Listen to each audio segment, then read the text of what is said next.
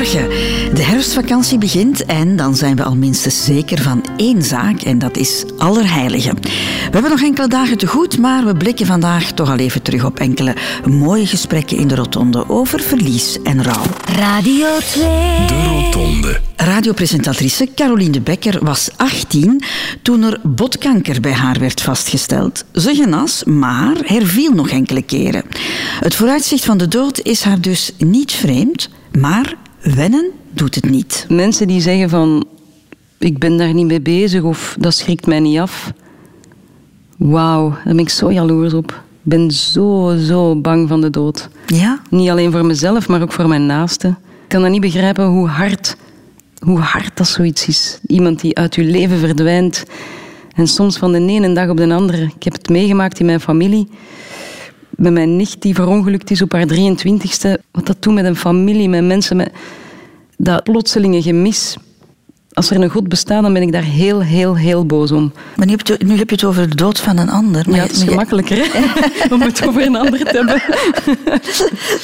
Maar, maar je eigen dood, jij, jij bent er meer mee geconfronteerd, of al op jonge leeftijd mee, mee geconfronteerd. Misschien dat je er daarom meer mee bezig bent ook. Ja, ehm, nu, ik, ik denk dat, het, dat ik er altijd mee ben bezig geweest, omdat ik het net heb meegemaakt toen ik, toen ik zeven jaar was en mijn nicht overleed. Dat vond ik zo, zo ingrijpend dat het altijd wel aan mijn ribben is blijven kleven. Als mijn vader, die, die, die om half zeven thuis kwam van het werk, als hij om zeven uur nog niet thuis was, dan, dan dacht ik echt, ja, die is verongelukt. Eh, dus ik heb daar altijd een enorme schrik van gehad. Nu nog? Ja. Ja, ja als, ik, als ik het verkeer voorlees op de radio, dan denk ik altijd, wie, wie is waar? Ah ja, mijn broer is daar, dus die zit niet op de E40, dus dat kan hem niet zijn. Dat, ja, ja. Ja, dat is erin geslopen. Ook omdat, omdat je op een gegeven moment beseft... hè, ik denk dat je van nature... Ik heb dat ooit eens gehoord van een, van een eh, wetenschapster. We zijn van nature gepro- geprogrammeerd op positivisme. Wij zijn positiever dan het leven uiteindelijk is. Dat is een soort van overlevingsdrang. Dat is er ingeslopen door evolutie. Maar ik heb ook meegemaakt dat, dat het mij overkomt het niet, dat dat niet het geval is. Ik geloof niet meer in statistieken, want ik zat er telkens toch wel weer tussen. Dus, dus ik, eh, ik, ben, ja, ik ben wel bang wat dat betreft. Ik voel geen beschermend hand, beschermende hand boven mijn hoofd. Ik weet hoe hard het zwaard kan vallen. Ik weet ook hoeveel geluk ik kan hebben telkens. Dat is het dubbele dan. Maar ik, eh, ik ben ook jaren niet naar begrafenissen kunnen gaan, omdat ik echt letterlijk begon te hyperventileren. Is het echt? Ja. Zo bang, ja. Omdat het zo dicht kwam. Heb je het gevoel dat jij al jouw geluk opgebruikt hebt ondertussen? Nee, ik heb, ik heb net het omgekeerde. Ik heb eh, vaak het gevoel van ik heb mijn portie lijden al gehad, nu zullen ze mij wel gerust laten. maar het hangt zo'n beetje van de dag af. Soms denk ik ook van ja, ik ben, ben nog altijd wel kwetsbaar. Hè. Ik ben gevoelig voor kanker, dus ik ben wel kwetsbaar. Het, het is dubbel. Het is echt dubbel. En ik, ik ken wel, veel men, ik ken die verhalen wel. Hè. Veel mensen zeggen van ah, door die kanker ben ik veel meer gaan relativeren. Soms denk ik no way, ik ben echt nog angstiger geworden. Omdat het net zo vaak is gebeurd. En leven met het idee van onsterfelijk te zijn of onoverwinnelijk, dat ken jij niet meer. Nee. Ik heb dat wel gehad in de periode dat ik ziek was.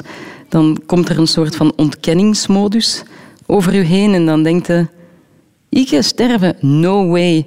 Ik ga, ik ga leven en ik dacht er zelfs niet aan om te sterven. Maar als, als ik dan op een begrafenis zat, dan voelde ik het wel dat heel mijn lichaam in angst schoot en dat ik begon te hyperventileren. Dus die angst werd gewoon naar beneden geduwd. En waar heb je eigenlijk angst voor, Caroline? Het, het einde van het leven of voor wat er daarna komt? Of niet komt? Het einde van het leven, daar, heb ik, daar ben ik angstig voor. Wat er daarna komt, dat zien we dan wel weer. Of wat zien we helemaal niet. Verwacht je nog iets? Of hoop je op iets? Ik heb altijd wel zoiets van, het zal nooit zo goed worden als het nu is. Wat een geluk dat ik hier geboren ben. Allee, wat, een, wat een leven is dit toch. Dit is toch schitterend. Zo goed zal het nooit meer worden.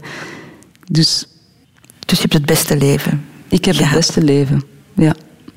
Je wilt, of je zou met niemand willen ruilen. Nee. Mocht die vraag jou gesteld worden. Nee, ik ben echt perfect gelukkig. En het heeft, het, ik vind het moeilijk. Hè. Het leven is echt niet makkelijk, maar het kan heel, heel mooi zijn. Soms dan denk ik, allee ja, ik weet dat wij nogal eens verzuurd kunnen zijn in België.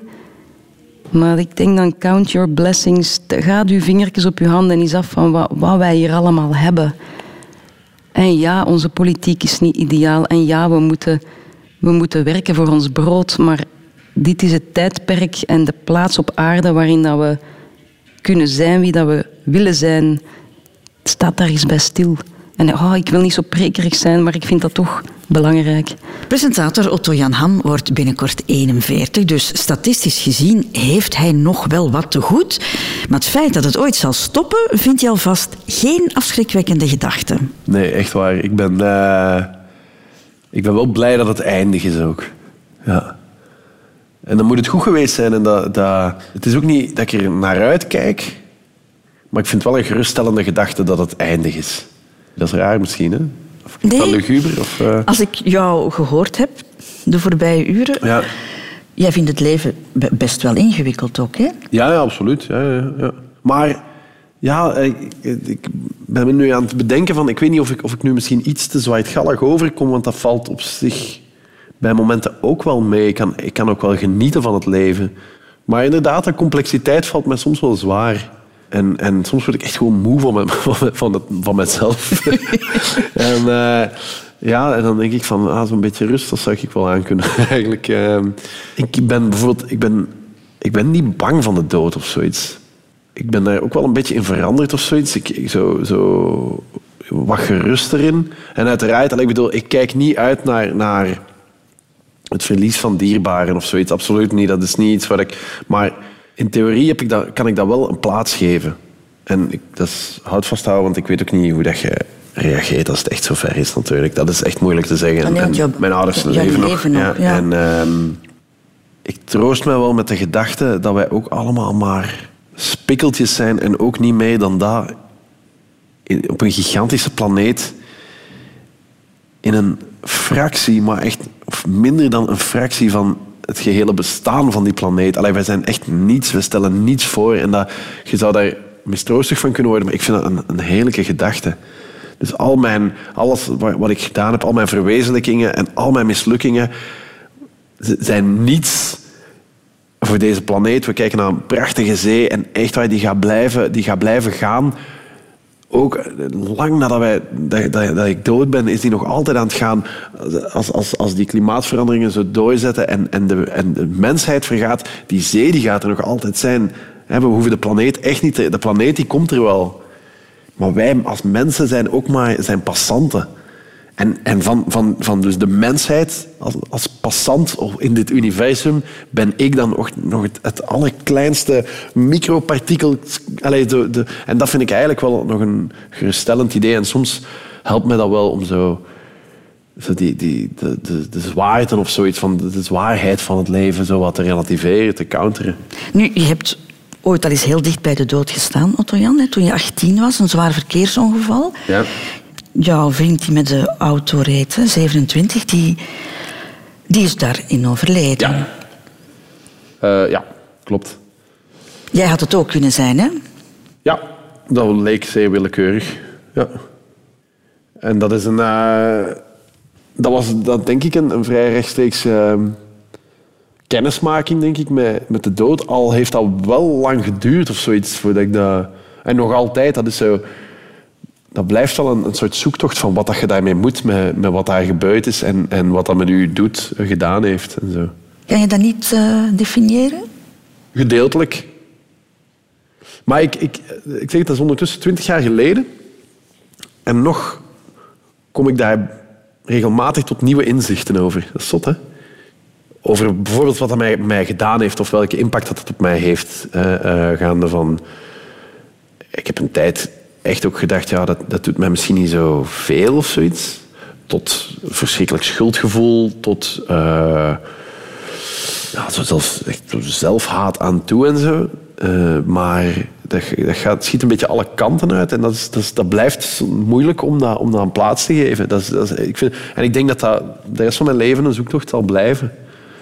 En uh, ik herinner me van die tijd, ja, dat was wel een heel, was wel een heel lastige tijd. Zeker ook op, op die leeg. Je echt jong en dat was echt wel een soort gebeurtenis in, in het dorp waar ik toen woonde. En allee, enfin, uh, ik herinner me die begrafenis, dat, dat, was een, dat, dat ging eigenlijk allemaal een beetje boven mijn hoofd. Zo. Of, of moet ik dat zeggen? Ik, ik heb dat van op afstand allemaal beleefd. Maar ik weet wel dat heel veel mensen heel snel naar mij kwamen en ze er al over. Dat vond ik zo'n waanzinnige opmerking. Zo, of een vraag van, zet er al over?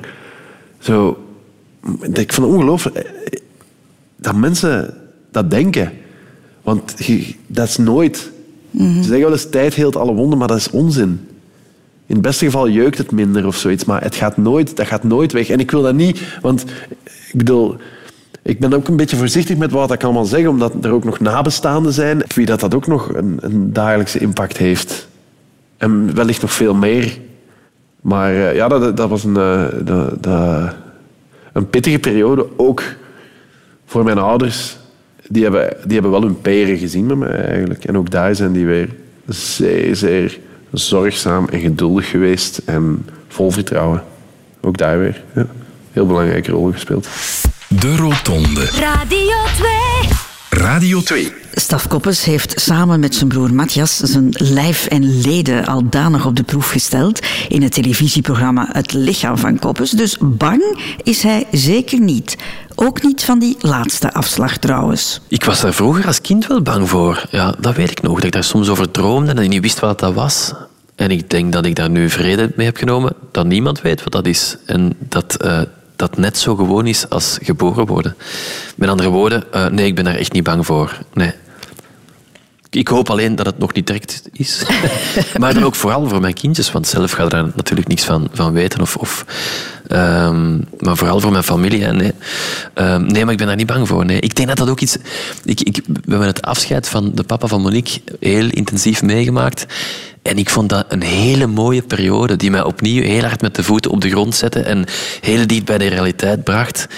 Um, ja, dat, dat, een afscheid kan ook echt heel mooi zijn. Er zijn heel veel dingen toen in die laatste zes maanden van zijn leven gezegd die misschien anders nooit gezegd zouden geweest zijn. Uh, iets wat ik tegen mijn mama heel vaak zeg is ik hou van u. Dat werd daar iets minder gezegd. En Monique en haar vader die hebben heel vaak nog tegen elkaar gezegd hé hey papa, ik hou van u. En dat, dat was kei mooi. Dat was echt heel schoon. Ja. Want je hebt meegezorgd hè, voor, voor, voor ja, haar ik heb papa, de, laatste, de laatste maanden van, van zijn leven ben ik zo wat in Amsterdam, of in uh, Badhoevedorp gaan wonen om hem mee te verzorgen. ik vond dat een eer dat ik dat mocht doen. Ja ik vond dat heel fijn dat ik, eh, dat ik diegene mocht zijn die, die hem recht hield uh, en, en ergens naartoe bracht. Of, of zelfs de minder leuke, aangename dingen bij hem mocht doen. Uh, ja, dat ik die persoon was, dat was, ik was, dat was een eer. Ik ben daar heel trots op. Want waarom wou je dat doen, Stef? Ik wou dat ook doen omdat ik niet vond dat het Monique haar taak was om die, die verzorging op haar te nemen. Omdat dan die relatie anders zou worden tussen vader en dochter. Want dan wordt de dochter plots een soort ver pleging. En dan krijg je een relatie die vertroebeld wordt door die zorg, denk ik. En ik dacht, ik wil daar heel graag tussen staan en degene zijn die die zorg doet, opdat zij gewoon kan babbelen met haar papa en kan zeggen, ik hou van u, zonder dat er iets anders uh, tussen zit. Ja. Dan bedoel je zo de... de ja, de, de, de meer delicate, intieme dingen, bijvoorbeeld toilet. Exact, en, die dat, toestanden, absoluut. En, dat soort dingen. Ja omdat je denkt dat het makkelijker is dat een vreemd iemand dat doet dan, dan eigen Ja, ik weet niet of het zo gezond is. Dat als, het, het kan, hè, misschien dat, dat, dat, dat, sommige kinderen zoiets hebben van ah, ik heb dat nodig. Of, of dat versterkt onze band. Ik denk in hun geval dat het beter is dat het, hoe dat het, allee, beter is dat het ging zoals het gegaan is. Waarin dat ik die rol op mij nam. En dat Monique gewoon dochter kon zijn en, en, en kon praten met haar papa over, uh, over belangrijke dingen. Terwijl ik de afwas deed en de, de rommel opruimde. En dat was een mooi afscheid. Ja, ik vond dat heel mooi, absoluut. Helaas ben ik er op, op het moment van het afscheid was ik er niet bij. Vond ik heel jammer, daar wou ik heel graag bij zijn. Maar ik had een hersenvliesontsteking gekregen in die periode. En ik was aan het werken in België, voor Bouwen aan Geluk toen. En uh, uh, ik lag in het ziekenhuis, dus ik kon niet naar Nederland gaan. Dat, oh, dat vond ik gruwelijk. Uh, en Monique zat aan zijn sterfbed en het, ik weet dat het heel langzaam ging. En het klinkt heel gek, maar op die laatste dagen hoopt je ook een beetje dat het vooruit gaat. En dat je, want je ziet die man afzien. En ik belde naar haar en zeg ja, uh, ja het, is, het is nog altijd niet gebeurd. En hij had ooit ook een hersenvliesontsteking gehad. Uh, en ik en ik wist dat hij nog bewust was op het moment dat ik ze kreeg. En ik dacht, ja, maar misschien maakt hem zich zorgen over mij. En ik vroeg, Monique, mag ik hem even aan de lijn hebben? En ik zei hem, ik zeg, Theo, maak je geen zorgen, man. Ik ben oké, ga maar. En het rare is, tien minuten later krijg ik telefoon van Monique om te zeggen, het is gebeurd. Ja.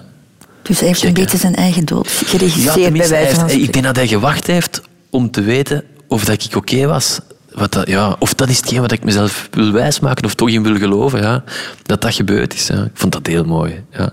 Ik denk dat er nog heel veel is dat we niet weten over die laatste momenten en hoe dat, dat juist gaat en wat dat er nog bewust wordt meegemaakt en niet. Maar ik vond het heel schoon. Ik vond dat een heel mooi afscheid. Ook die viering achteraf en ja, hoe dat we dat hebben aangepakt samen en hoe dat, dat ons nog dichter bij elkaar gebracht heeft. Ja. Kunstenaar en striptekenaar Herzelen kan je moeilijk een doordeweeks man noemen, integendeel. En ook zijn idee over het einde is niet alledaags. Voor mij is dat een feest eigenlijk. Dat is hetzelfde als geboren worden. Dat zijn twee, de twee uitersten. Je wordt geboren en je weet niet wat er gebeurt. Je bent nog heel jong. Ik denk als je heel oud wordt, dan word je ook een soort van kind. Maar de, nee, de dood is iets om naar uit te kijken, vind ik. Dat is, dat is echt een fantastische stap in het leven. En je bent heel gelovig opgevoed ook, hè? Ik ben gelovig opgevoed, maar we, hadden, we zijn wel doe-het-zelf gelovigen. We hebben zelf een soort religie bedacht goede dingen van het christendom genomen, voor mijn part van islam, van boeddhisme, van alle kanten, van de woestijnvaders, noem het op, om het even wat. Er zijn nog mensen die ik heel belangrijk vind. Ik vind bijvoorbeeld uh, eerwaarde Maréchal, de, de pastoor van Zeebrugge, die de transmigranten nu uh, omarmt, vind ik ook een heilige man. Uh, in deze tijd vind ik ook een belangrijke raadsman eigenlijk. Maar jij had ook een soort van roeping hè? in, in, in jouw jonge jaren? Ik had een roeping, nee. Uh, wel, ik, ik hou eigenlijk van die belangrijke momenten van het leven, van al de sacramenten hou ik van. Dat zijn momenten met een zekere plechtigheid. En uh, dat zou mij wel tot een goede pastoor gemaakt hebben, omdat ik graag omga met die momenten. Dat kan de, de, eerste communie zijn, dat kan het trouwfeest zijn, dat kan de geboorte, de dood ook. Ik heb eigenlijk iedereen ook geschilderd, geportretteerd, uh, die op sterven lag in mijn gezin. Ik heb mijn grootmoeder geschilderd op haar sterfbed wekenlang in het AZ van Brugge. Ik heb mijn vader geschilderd in het mortuarium van Brugge, elf uur lang in het koude mortuarium. Mooi, heel fijn portret gemaakt. Mijn moeder heeft me daarvoor nog bedankt trouwens, later dan. Ik heb mijn moeder geschilderd op haar sterfbed. Ik heb zelf de kist gemaakt van mijn moeder, een houten kist, planken in de brico gekocht. We wilden per se dat de kist niet met een draadloze schroevendraaier werd toegewezen, maar we wilden daar nagels in slaan. We vonden dat heel mooi, die klank, dat toetemmeren van die kist. Gelukkig was die kist juist goed van formaat, want ik had geen, geen afmetingen. En toen we in Brugge, in de familiekerker kwamen, ik dacht dat dat een grote kamer zou zijn, maar dat is een hele kleine kerker, zo'n zo familiekamer. En dat paste daar op een centimeter nagenoeg in. Mm enzovoort. Nee, ja, ik hou van de, van, van de dood. Ik, ik heb geen enkel probleem om, om, de, om de dood in de ogen te kijken. Is het ook een soort van afscheid voor jou dan? Dat schilderen? Um, ja, dat schilderen is inderdaad, uh, heb ik later begrepen, is eigenlijk een soort begeleiden van die ziel van de mens, de zielsverhuizing, herzelen dus, de ziel, meneer ziel, die is daar dan bij. Als die ziel gaat verhuizen, die gaat dan zweven door de kosmos en die gaat dan in een ander lichaam meer incarneren, vlees worden. En het is wel goed dat heer Zelen, daar, de ziel, meneer ziel, daarbij is op dat moment. Ja, ik voel me daar wel toegeroepen. Ik, eh, het is een is een mooi moment voor mij. De dood. Ik, ik, ja, ik hou van de dood. Ik vind het uh, fantastisch. Misschien ook iets voor de, voor de kunstenaar, denk ik. Om, uh, omdat de dood ook zo, uh, zo absoluut is, is het ook wel een grappig moment, vind ik. Het heeft iets met... Want humor is relativeren. Wel, dat gebeurt ook. Als je sterft, wordt je leven gerelativeerd. Plots is Peter er niet meer. Plots is zijn leven heel relatief. Voilà, alle, voilà het is gedaan. Floep, hij is weg. Heel mhm. relatief. En relativeren is humor. Had je vrede met de dood van jouw ouders? Ja, ja absoluut. Uh, vooral met, uh, met mijn moeder. En dat komt omdat we... We vonden het eigenlijk een soort feest toen mijn moeder overleden was. We vonden het eigenlijk fantastisch. En dat komt omdat we alleen maar goede gesprekken met mijn moeder hebben beleefd tijdens haar leven. Alleen maar uh, diepgang en, en lol. Lol van begin tot einde eigenlijk. Lol en diepgang. We hebben ons geamuseerd, we hebben goed gesproken, we hebben alleen maar interessante dingen gezegd. Uh, we zijn alleen maar correct met elkaar geweest tijdens het leven. En dan is de dood geen probleem. Maar ik denk veel mensen die het moeilijk hebben met de dood, die, dat is omdat het nog onaf is. Omdat ze tijdens het leven niet tot een, tot een uh, volledige symbiose zijn gekomen. Tot een, tot een echt samen zijn. Wij wel eigenlijk. Radio 2. De Rotonde. Voor Marcel van Tilt is de gedachte aan de dood niet iets wat hij verstopt of verdringt. Integendeel, in zijn hoofd is hij er al heel veel mee bezig. Absoluut, ja.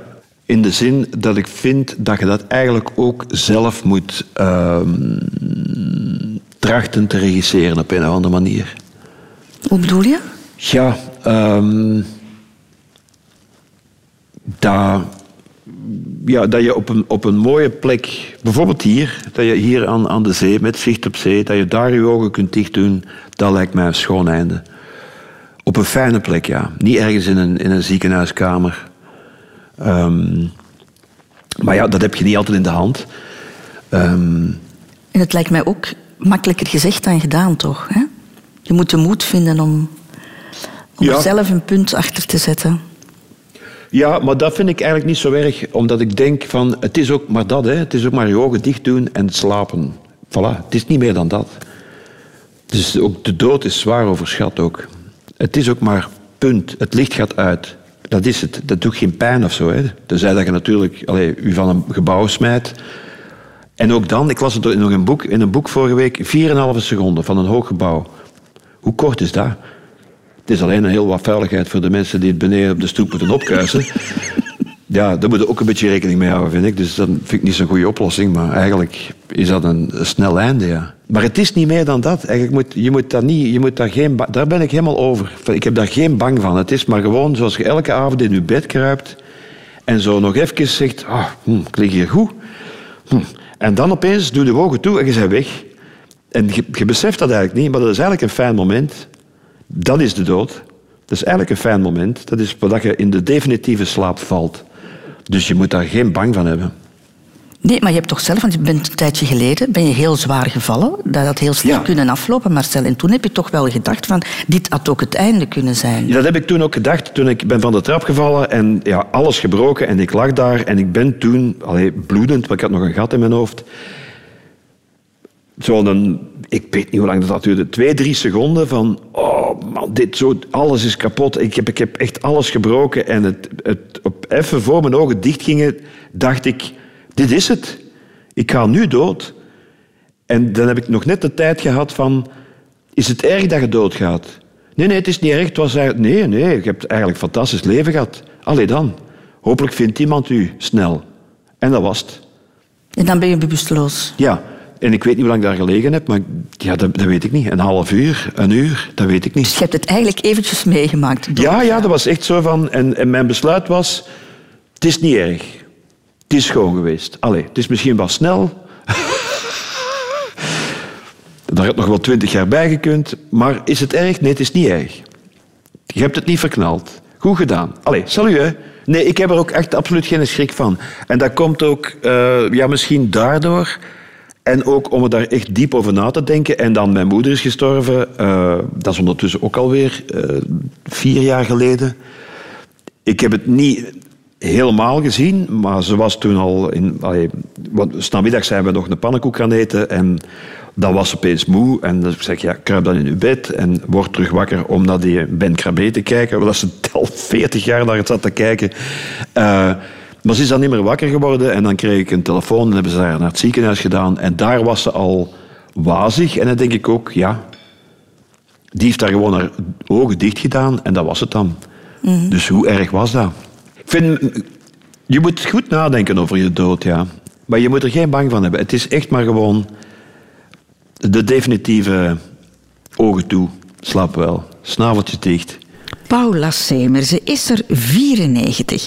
Maar als je met zulke pit en zulke joie de vivre in het leven staat, dan zegt een getal weinig. Maar toch, Ze sluiten ogen niet voor de realiteit. Ik ben aan mijn laatste bobijntje, mijn laatste filmbobijntje bezig. Hè? En dat, dat komt op zijn einde.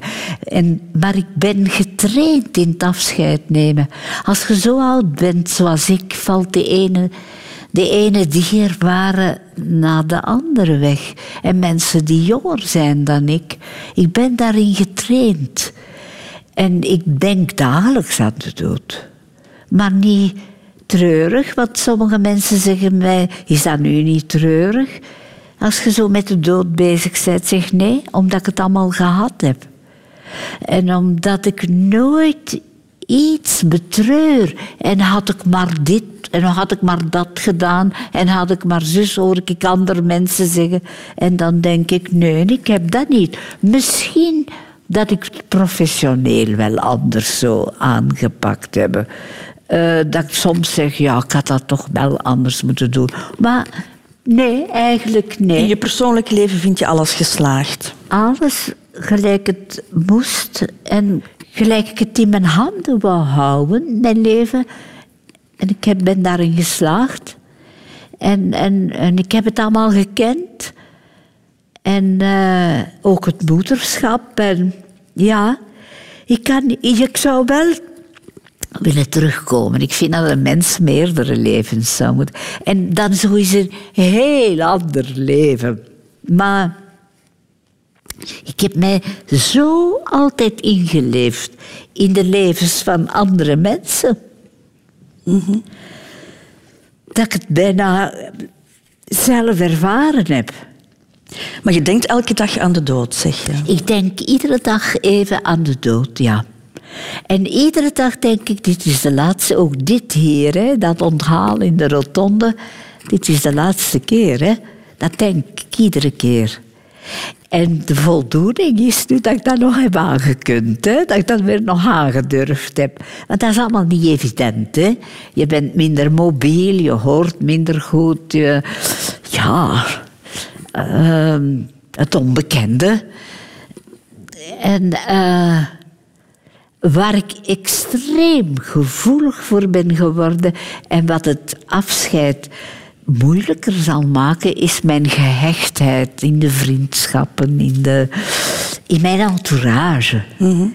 Maar ja, jouw, jouw entourage wordt ook leger, hè? Leger. Want je hebt gezegd, je hebt, je hebt al veel afscheid moeten nemen. Ja. Loert de eenzaamheid dan soms om de hoek? Ja, soms wel. Maar nooit treurig. Het is zo constateren, ik ben toch eenzaam. En dan zeg ik, nee, je bent alleen. Maar je hebt die rijkdom van al die herinneringen. Ik kan niet zeggen dat ik ineens mensen moet zien of zo. Nee, als dat, ja, dan duik ik in mijn eitje, zeg ik altijd. Mijn eitje van binnen. Dan zit ik lekker beschermd in mijn eitje. En dan, denk, dan werk ik daaraan. En dan denk ik aan het verleden. Wat heb je toch mooie dingen meegemaakt. Privé, maar ook... Uh, zeg professioneel. Ik heb de, het heropstarten van de radio mogen meemaken. De Duitsers waren nog maar net weg in die radio starten opnieuw. Onder, dan heb ik de start van de televisie mogen meemaken. Ik heb veel miserie gekend, maar ik heb toch veel voldoening. Maar heb je dat moeten leren om alleen te zijn? Ja. Want je was altijd omringd hè, door mensen? Ja. Ik was nooit alleen. Bij ons thuis dan niet, dan met Herman. Ja, je moet dat leren. En ik moet zeggen, uh, als je alleen bent en je partner leeft nog, dan genoot ik van het alleen zijn. Ik ging alleen in het bos wandelen, Herman wandelde niet zo graag. Maar als ik nu alleen in het bos wandel, dan weet ik, ik kom thuis en dat is daar nu doodstil en donker en daar is niemand. Mm. Ik heb het grote geluk dat ik drie vriendinnen in de building heb waar ik woon. En dat kon conciërge heb in de building, die kon bellen en die een kopje koffie bij mij kon drinken. En daar heb ik wel behoefte aan, ja. Je hebt ook het geluk, Paula, dat je eigenlijk toch nog altijd zeer mobiel bent. Ja, en dat je hersenen ook nog goed werken. Dat is iets belangrijk. Het zit allemaal tussen je oren. Alles. Je dagelijks leven, je humeur, daar moet je mee bezig zijn. Want dat mensen vragen mij, wat doe jij nu? Jij die, die zo actief bent geweest. Dan zeg ik leven. Oud zijn is een fulltime job, was mijn leuze, maar nu nog meer dan ooit. Als je alleen al aan je inkopen denkt, ik moet dat organiseren, want dan rijd ik met mijn rollator mijn boodschapjes doen. Te voet, te voet, alles te voet. Dan moet ik uh, potje koken, hè, want ik, ik eet niet graag zo te eten dat ze zo aan huis brengen. En dan is er uh, een beetje lezen, ik vraag mij dat zelf allemaal op. Televisie kijken. ah ja, en voordat ik het weet is de dag voorbij. En mhm. dan denk ik, wat heb ik nu eigenlijk gedaan? En dan zeg ik tegen mezelf, Zeberke, je hebt geleefd. Ik, ja, ik ben er wel erg cerebraal mee bezig, zo. Een beetje voor de hersenen. En denk ik, zou ik nog een nieuwe taal leren of zoiets. Je hebt nog wel een nieuw salon gekocht, hè? Ik heb nog een nieuw salon gekocht. En dan komen mijn buren allemaal naar mijn salon kijken. Want eerst zeggen die dan loont dat nog de moeite? en uh, dan zeg ik, ja, dat loont nog de moeite. En als ze dat dan zien, dan zeggen ze ja.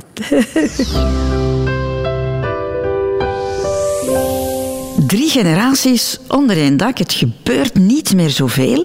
Maar bij stand-up comedian Eran Dermirci was dat wel nog het geval.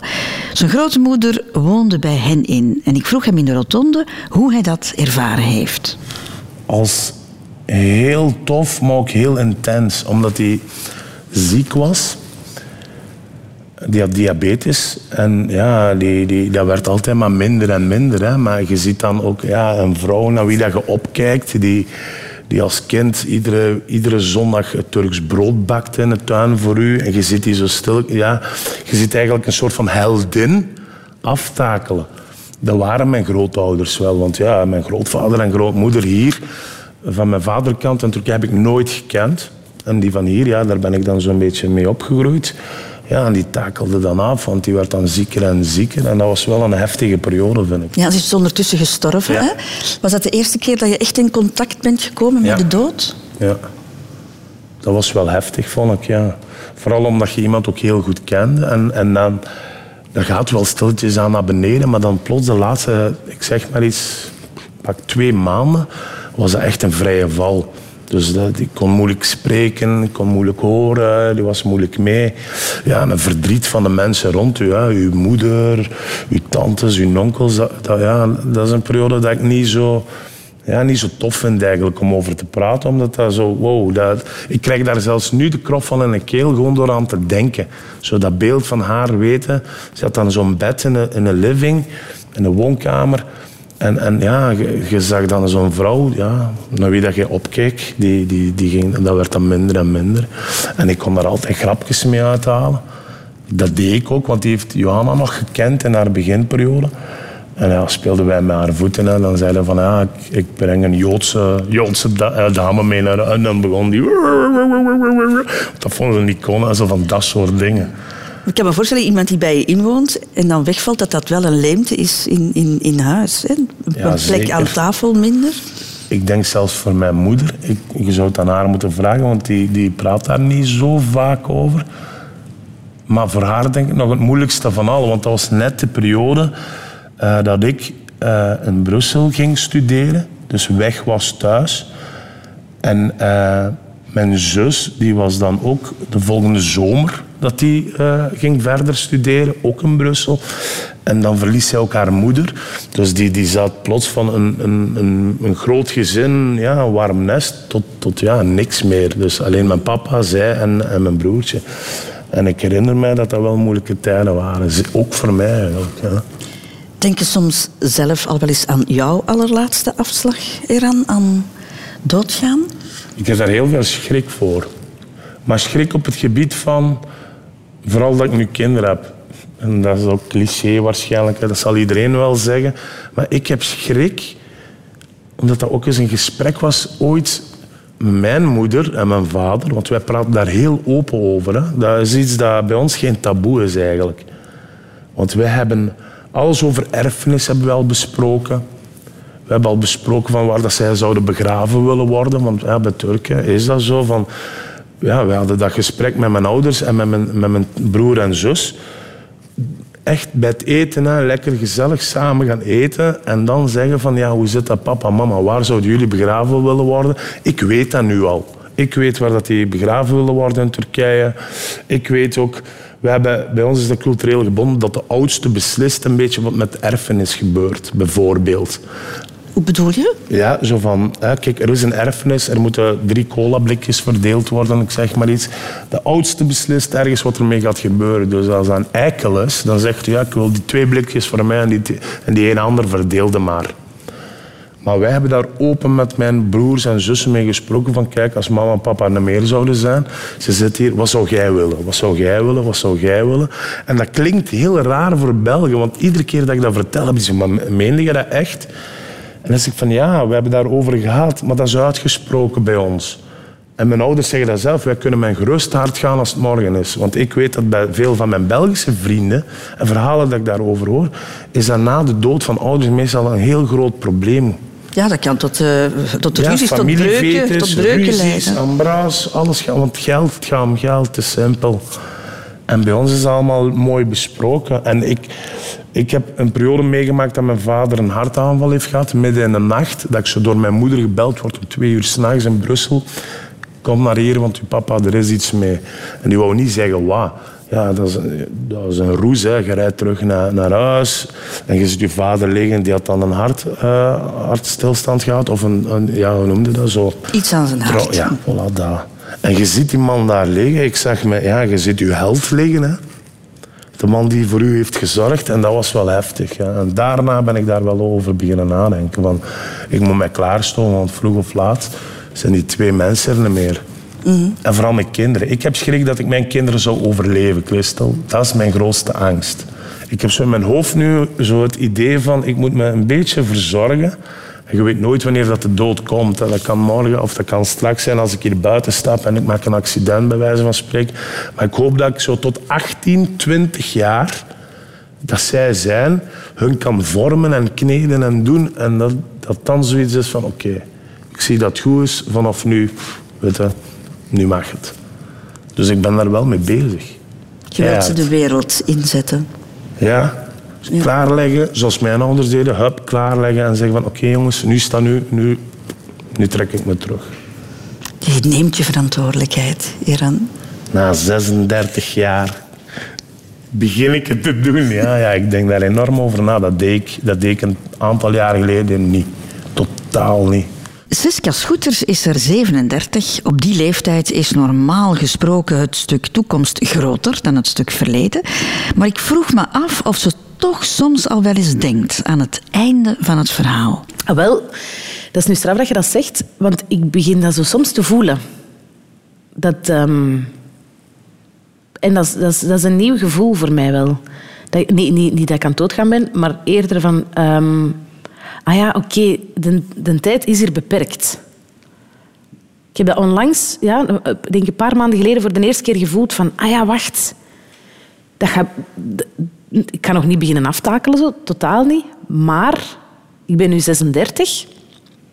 Ik heb twee kinderen, die zijn gezond, die gaan heel snel groot worden. Dat voel ik nu al. Um, en ja, ik voel dat dat zo, dat zo niet meer het...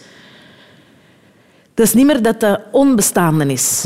Het begint af en toe ergens een klein druppeltje te vallen. Wacht, het is hier beperkt, dus we moeten zien... Bij mij is dat wel ja, echt gewoon we moeten zien dat we er alles uithalen. Dat heb ik heel hard. Dat heb ik ook zo wel meegekregen van thuis. En zo mijn grootmoeder deed dat ook altijd zo veel en grote feesten geven. Ik denk dat ik daar ook om bekend sta. Ondertussen bij mijn vrienden. Ja, het is altijd feest. Ik geef elk jaar een feest voor mijn verjaardag. En groot, hè. Niet met tien man, hè. Ik, geef, ik, vind, ik denk ook, ja... En dat gaat niet om... Want het is mijn verjaardag.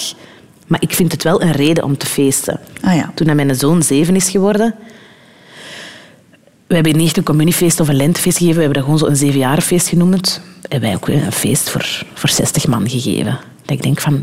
elke reden om een fles open te trekken, om iets te vieren, is er een bij mij. Toen mijn dochter één werd... Um, omdat je dat een hele schone en een belangrijke verjaardag vind. Omdat ik altijd zo denk, ah, voor één en wie gedood, ik heb dat dan zo wel heel hard. Maar vanaf één zeggen ze dan altijd van, die kans is dan veel minder. Dus voor die eerste verjaardag heb ik een belachelijk groot feest gegeven. dat kind heeft daar niks aan gehad. Waardoor dat ik ook wel heb gezegd aan de gasten, van, ik wil niet dat je een cadeau meebrengt, um, maar... Um, ik ben meter van de VZ2 Feestvarken. En dat is een VZ2 die uh, ervoor zorgt dat kindjes die um, financieel niet in staat zijn om hun verjaardag te vieren in Vlaanderen, omdat hun ouders ja, de middelen niet hebben, die krijgen een pakket. En dan kunnen ze tracteren op school, kunnen ze een cake bakken, hebben ze feesthoedjes, uh, kunnen ze het huis versieren. En daar zit een grote cadeau in voor de kindjes, maar echt een schone doos. Dus ik heb dan gevraagd aan de gasten voor het verjaardagsfeest van Mini, van ja, Mini heeft daar toch niks aan. Als je een cadeau meebrengt, ik wil graag dat je centen daarvoor mhm. stort. Want ik vind verjaardag kei belangrijk. Maar zorg dan dat andere kindjes een verjaardag krijgen. Ik wil nu niet doen van wauw, kijk eens wie dat ik ben of zo. Maar om wel te duiden eh, van, van ja, ik, ik, wil dat dan ook wel weggeven vaak. Zo. Mm. Dat, ik wil dat graag delen met veel mensen. Je zegt, ik heb dat feest gegeven voor haar eerste verjaardag, omdat dan zo de, de kans op wiegedood uh, kleiner geworden is. Mm. Hè? Dat is een soort van doemdenken, Siska. Ja, nee, maar ik ben, ben um, ik ben geen uh, supergoeie babymoeder, zou ik maar zeggen. Ik ben, omdat, omdat je daar zo... Ik was de eerste om te denken... Doet hij nu raar of niet? Is er nu iets mee? Oei, hij, gaat hij hoesten? Heeft hij reflux? Heeft hij dit? Also, dat heb ik heel hard. Ik ben geen relaxe babymoeder. Ik had veel stress toen het die baby waren. En ook wel zo wel bang van... Er zal toch niks mee zijn. Er gaat toch niks mee zijn. Zo. En zo ja, wie dat, dat, dat is niet echt dat ik doem denk, maar ik, ik merk dat ik dat bijvoorbeeld nog altijd wel heb. Zo, mijn dochter slaapt super slecht. En als hij dan bijvoorbeeld een keer slaapt tot kwart over zeven, dan heb ik om kwart voor zeven heb ik al in dat bed gestaan. Hè. en zo een keer voelen aan een neusje. Ah ja, ze had hem nog. Of, of nu, als ik zo van Thomas even niks hoor, zo, nu ben ik hier blijven slapen en ik stuur dan een berichtje. Alles oké, iedereen goed geslapen. En die uh, antwoordt niet het eerste half uur. Dan bel ik, hè. Of dan, nee, dan ga ik eerst nog sturen. Alles oké? Lukt het? En als ik dan niks hoor, dan, ik, dan ben ik echt in staat om te denken... Die liggen allemaal dood van CO2-vergiftiging in mijn huis. Dat mag je toch denken gebruiken als woord. Ja, misschien wel, ja. ja toch absoluut wel, wel. Ja, ik heb, dat, ik heb dat wel zo. Ik heb dat vaak. Dat, uh, ik probeer daar niet te hysterisch in te zijn. Maar als die, als lang niks laat weten of die zijn onderweg, kan ik zo wel wat in mijn hoofd hebben. Ja, die is verongelukt met mijn twee kinderen in de auto. En wat nu? Zo, dat, ja, dat heb ik misschien wel wat. Maar toch ben je, denk ik, gespaard gebleven. Hè? Tot hiertoe op dat heel gebied. Hard, hè? Mensen verliezen... Zo, ja, hout vasthouden. Zo. Ik ben heel hard gespaard gebleven. Om, om eigenlijk al 36 te zijn, zou ik al veel meer hebben moeten meegemaakt hebben, denk ik zo. Dus ik ben, dat heb ik dan ook zo wel wat, zo dat, dat, het idee van op een dag ga ik gestraft worden. Voor al het geluk dat ik al heb gehad. Ik heb dat wel heel hard. Er gaat, er gaat iets mij, mij iets overkomen. En bijvoorbeeld nu, afgelopen de, de, maandag, was Thomas een darmonderzoek gaan laten doen. Omdat blijkbaar mannen vanaf 40 moeten dat echt laten doen. Ik zat in de auto uh, en die was al naar de kliniek vertrokken. En ik hoor op het, op radiojournaal... Elk jaar krijgen 70.000 mensen uh, kanker. De vaakst voorkomende kankers bij mannen zijn longkanker en dikke darmkanker. En ik zei, ja, dat is een teken. ik dacht dat echt. Dus ik was mijn moeder aan het bellen. Ik zei, ah, mama, maar ja, volgens mij, als mama ze alleen niet doen. Niet doen, hè. we gaan van het goede uit, we gaan van het goede uit. Maar ik denk dat dan wel echt, dit is nu een teken. Dat kan niet. Dat Thomas nu een onderzoek aan het laten doen is om zijn darmen te laten checken. En dat is nu op de radio. En het was niks, hè. Eh, alles was in orde. Maar ik heb dat dan altijd wel zo. Ik denk altijd, er gaat een dag komen dat, ik, ja, dat, ik, dat nog over mij moet komen. Ik heb al zoveel geluk gehad in mijn leven op privégebied, dat gaat dan niet over professioneel, want dat professionele dat noem ik geen geluk. Dat er, mij, er gaat mij nog iets... Ik ga nog, ik ga nog kletsen krijgen. Ehm, ja, ik ben ongerust. Dat is wel waar. Ik ben ongerust. Dat heb ik wel heel hard zo. Ik kijk er niet naar uit dat mijn kinderen op hun zestien gaan uitgaan met de fiets. Ik ga me niet laten tegenhouden. Hè. Ze mogen dat doen, hè. maar ik ga pas gerust zijn als ik de, de voordeur terug open gaan. Zoals wel veel moeders waarschijnlijk ook wel. Dat is ook niet zo raar, denk ik. Ik denk dat veel moeders misschien wel gaan herkennen wat ik hier vertel. Ze. En vaders misschien ook, hè. Maar moeders nog iets meer. Radio 2 Het is zoals het is en neem het leven gewoon zoals het komt. Zo kan je de levensfilosofie van Zaki misschien wel omschrijven. En zo denkt hij ook over die laatste afslag. Het is een gegeven in het leven. Hè. Op een bepaald moment eindigt het leven en is het gedaan. Punt. Door allerlei omstandigheden heb ik heb ooit een boekje geschreven een paar jaar geleden uh, over ondeugend ouder worden. En ik doe daar lezingen over. En ik praat wel eens met mensen die wat ouder worden. En ik zie dat de angst voor de dood bijna weg is bij de mensen. Je komt het bijna, bijna niet meer tegen. Iedereen heeft het aanvaard van het is goed, op een bepaald moment is het einde en dan stopt het. Het is niet plezant, maar het is gewoon zo. En we aanvaarden het. Het is niet meer dat we er schrik voor hebben en zo. Of bijna niet meer. Daarentegen, wat ik wel gezien heb, is dat er een veel grotere schik is voor dementie. Van ik, zal, ik zal mezelf niet meer zijn op een bepaald moment. Daar heeft ieder... Ik ook, hè. Daar heb ik schrik van, hè. Ja. De meeste mensen hebben wel schrik om ouder te worden. Want daar heb je het in het boek ook over gehad. Hè? Het dwangidee van de eeuwige jeugd. Ja, maar je moet dat niet doen. Hè. Bedoel, jong zijn is niet zoveel beter als oud zijn. Hè. Waar komt dat allemaal vandaan? Er zijn dingen die gewoon beter worden met ouder worden. Ook fysiek zelfs. Hè. Heel simpel. Uh, medisch zelfs. Hè. Mensen die heel hun leven migraine hebben gehad en dat gaat weg met ouder worden. Je moet daar geen pilletjes voor pakken, je moet daar niks aan doen. Het gaat gewoon weg met ouder worden. Dus er zijn dingen die beter worden. Je vond het, het voorbeeld van een goede fles wijn. Hè. Weet je nog, er is ooit zo de mode geweest van Le Beaujolais Nouveau. Weet je het nog? Ik zal niet zeggen dat dat slechte wijn was, maar we hebben veel koppijn gehad. Hè?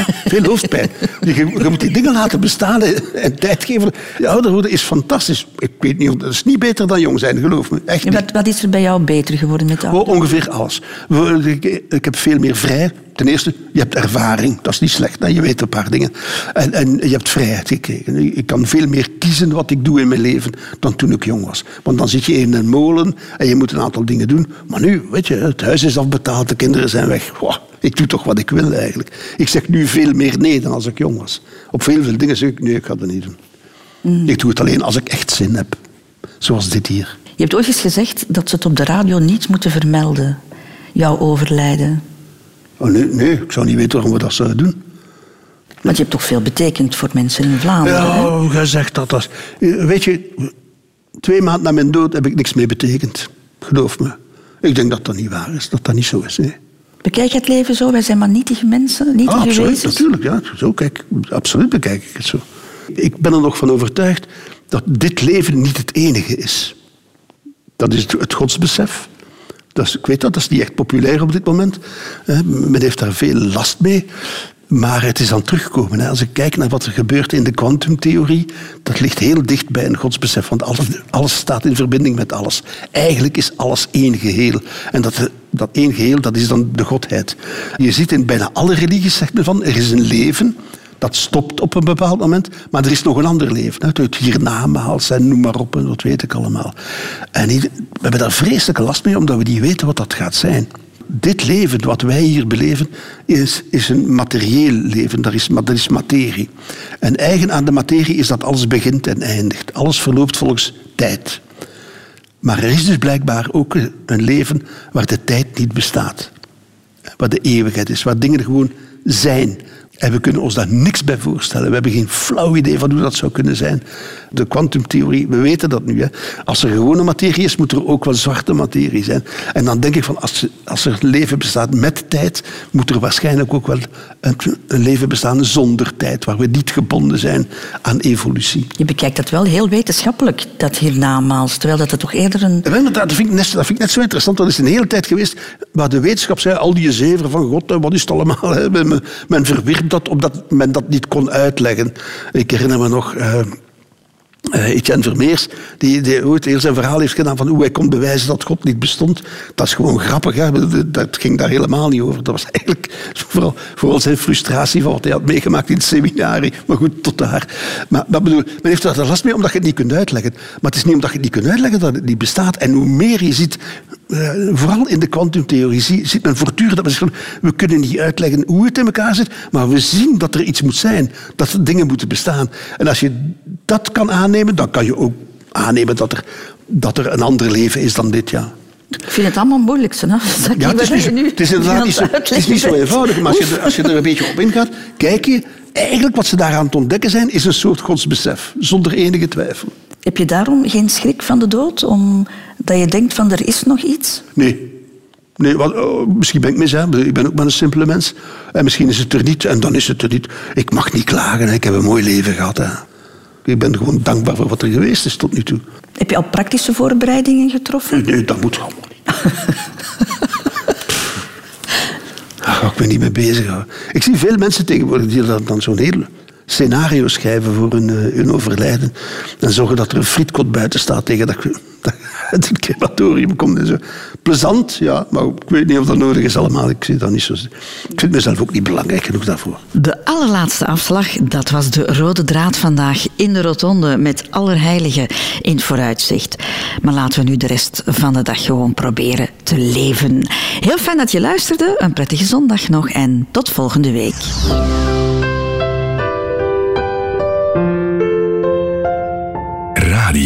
you